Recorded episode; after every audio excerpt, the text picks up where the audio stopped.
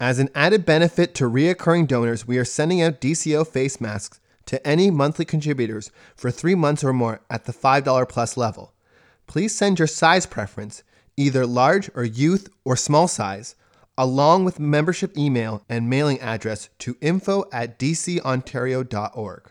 And you can check out what they look like in the show notes. This podcast was specifically created for Distress and Crisis Ontario organizations and their volunteer responders to provide training and educational assistance on a variety of topics.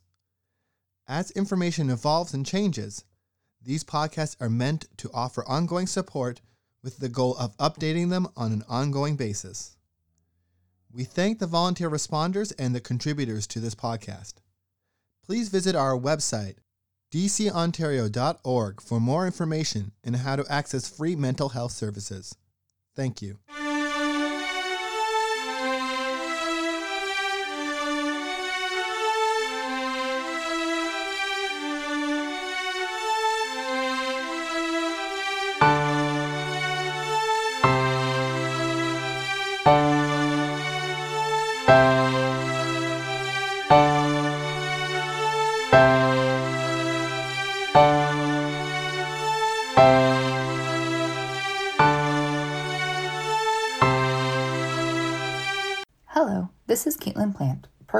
Manager for Distress and Crisis Ontario.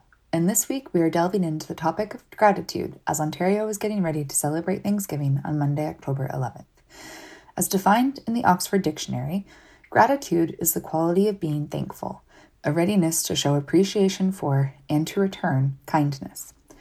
Harvard Health shared an article in August of this year titled Giving Thanks Can Make You Happier and shared the following information about gratitude. The word gratitude is derived from the Latin word gratia, which means grace, graciousness, or gratefulness, depending on the context. In some ways, gratitude encompasses all of these meanings. Gratitude is a thankful appreciation for what an individual receives, whether tangible or intangible. With gratitude, people acknowledge the goodness in their lives. In the process, people usually recognize that the source of that goodness lies at least partially outside themselves. As a result, being grateful also helps people connect to something larger than themselves as individuals, whether to other people, nature, or a higher power. In positive psychology research, gratitude is strongly and consistently associated with greater happiness. Gratitude helps people feel more positive emotions, relish good experiences, improve their health, deal with adversity, and build strong relationships. People feel and express gratitude in multiple ways. They can apply it to the past by retrieving positive memories and being thankful for elements of childhood or past blessings. They can apply it to the present by not taking good fortune for granted as it comes, and to the future by maintaining a hopeful and optimistic attitude. Regardless of the inherent or current level of someone's gratitude, it's a quality that individuals can successfully cultivate further. Among some other information and research on the subject of gratitude, the article also shared the following ways that you can cultivate gratitude in your life. Write a thank you note. You can make yourself happier and nurture your relationship with another person by writing a thank you letter or email expressing your enjoyment and appreciation of that person's impact on your life. Send it, or better yet, deliver and read it in person if possible.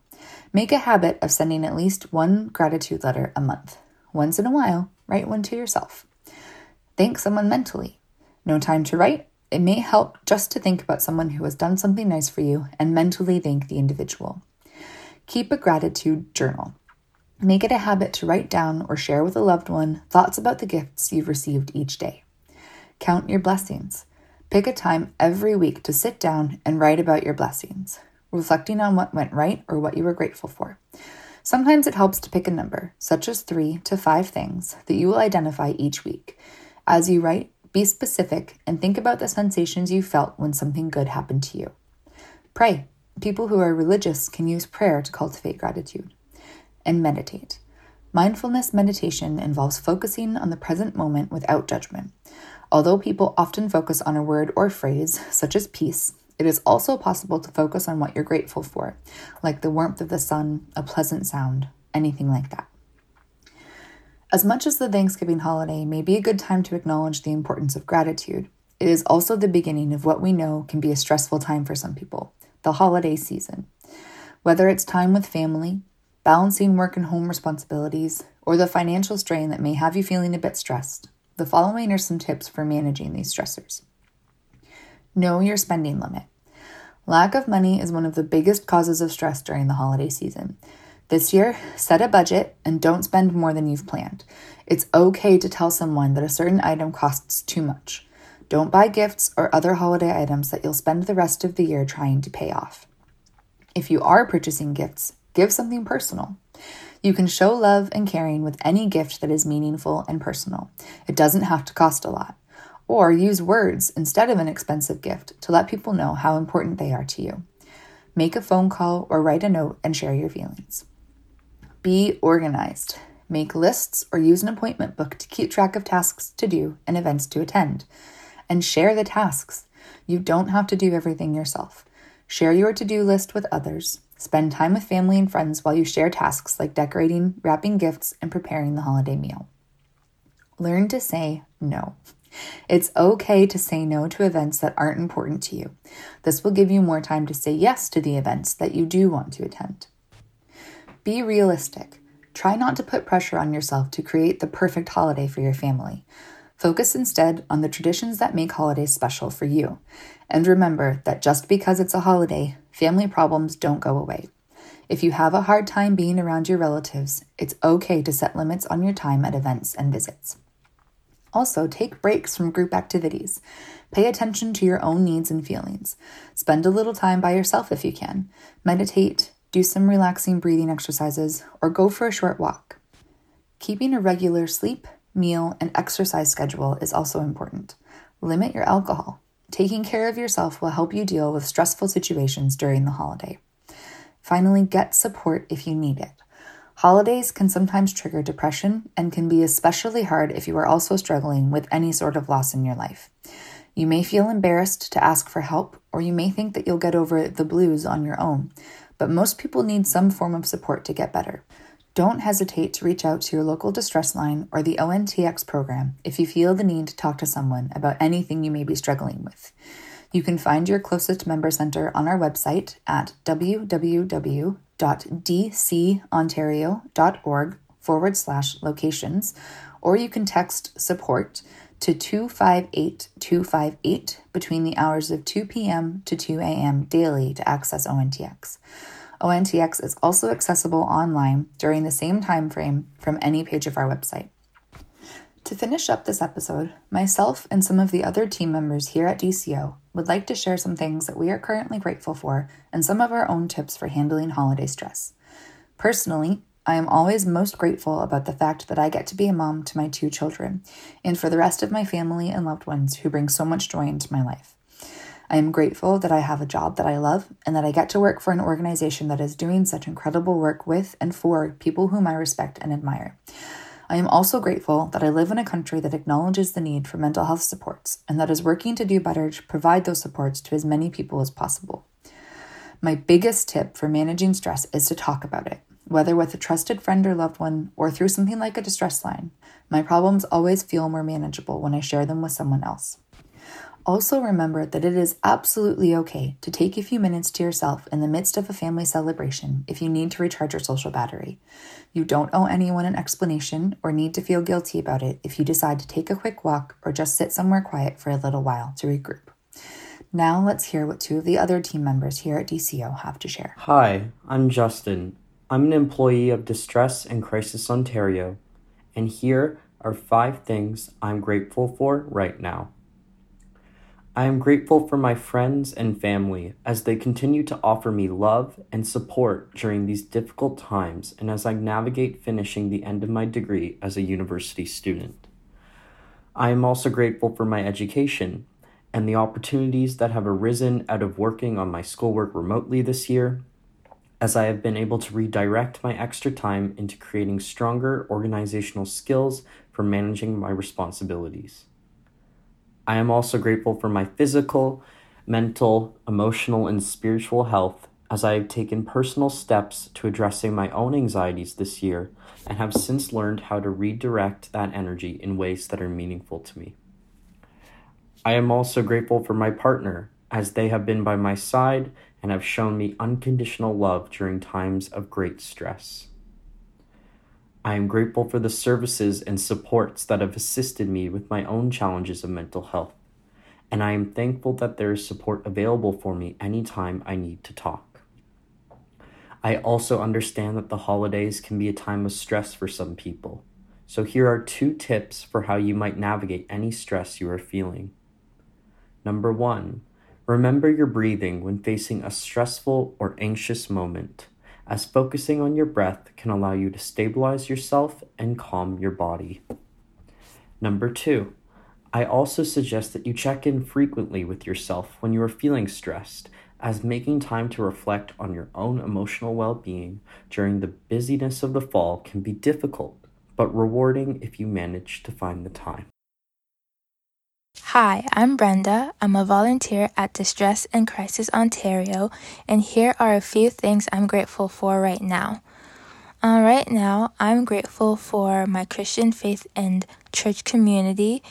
Throughout the pandemic, well, I guess throughout my life, my Christian faith has helped me to be resilient. It has helped me to be joyful, to have a peace of mind.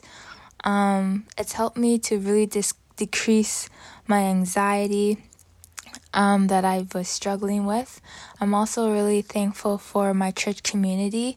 Um, my immediate family is the only family I have here in Canada right now. All of our other family is out of the country or out of the country.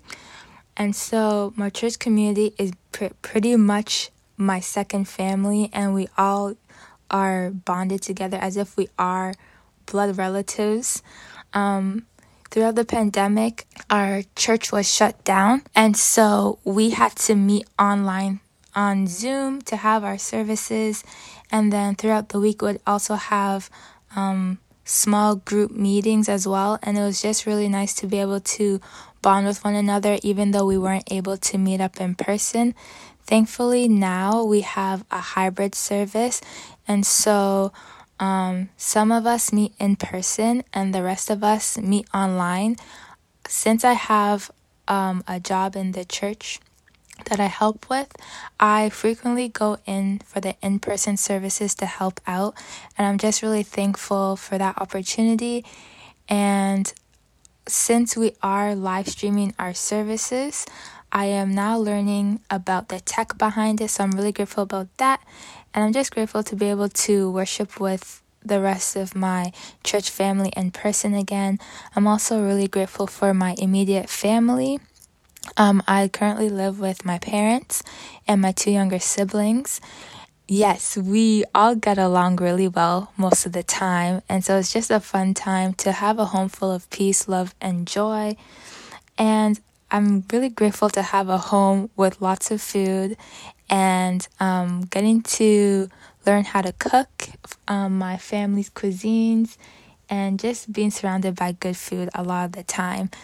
I'm also really grateful to have a Spotify account because music just makes everything better. Like, no matter what mood I'm in, I just listen to music and it helps me to just feel better. I'm also grateful to have a Netflix account um, to be able to have something to do when I don't know what to do, or just something to pass time or just entertain myself. I'm also really grateful to have a job. I was able to work throughout the pandemic.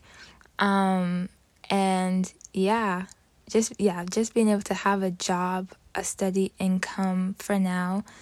And yeah, those are the main things that I'm grateful for. There's so much more, but my time is limited. I don't want to keep you guys on here for the whole rest of the year. Um, but yes, with Thanksgiving coming up, um, I know that it can be stressful. Before the pandemic hit, my family was um, the family that would always be hosting other people. Um, one of the stressful things that I found was getting all the food prepared and having to wash all the dishes. And just something for advice that I would say is to start your prep ahead of time. So, whatever can be done maybe a couple days before or the night before, get that out of the way. And so that that day that you're hosting your event, you're not doing everything all at once. I would also suggest maybe making it like a potluck style so not everything is all on you as the host to prepare all the meals. Um, just asking for help when you need it. And also, one very important tip that my mother taught me is wash the dishes as you go along because if you save it all till the end, it just looks like you'll never get done. And if you're um, having to uh, get everything done before guests arrives, it can feel pretty hectic and stressful um, having to wash all the dishes all at once before they all arrive. So I would suggest washing dishes as you go along. And thank you for listening to what I'm grateful for and for my tips. I hope you enjoyed it and found my tips um, useful. Thank you. Thank you to Justin and Brenda for your contributions. We appreciate your openness and willingness to share. And thank you for listening to this week's podcast. We hope it has left you feeling some gratitude for the positive things in your own life and has also helped you feel a little bit more prepared for the upcoming holiday season. Join us again next week as we speak to Brad, a Waterloo area therapist, about how to manage family relations and relationship stress around the holidays. Thank you. Hi, I'm Damien, one of the editors of the DCO Learning Forums podcast.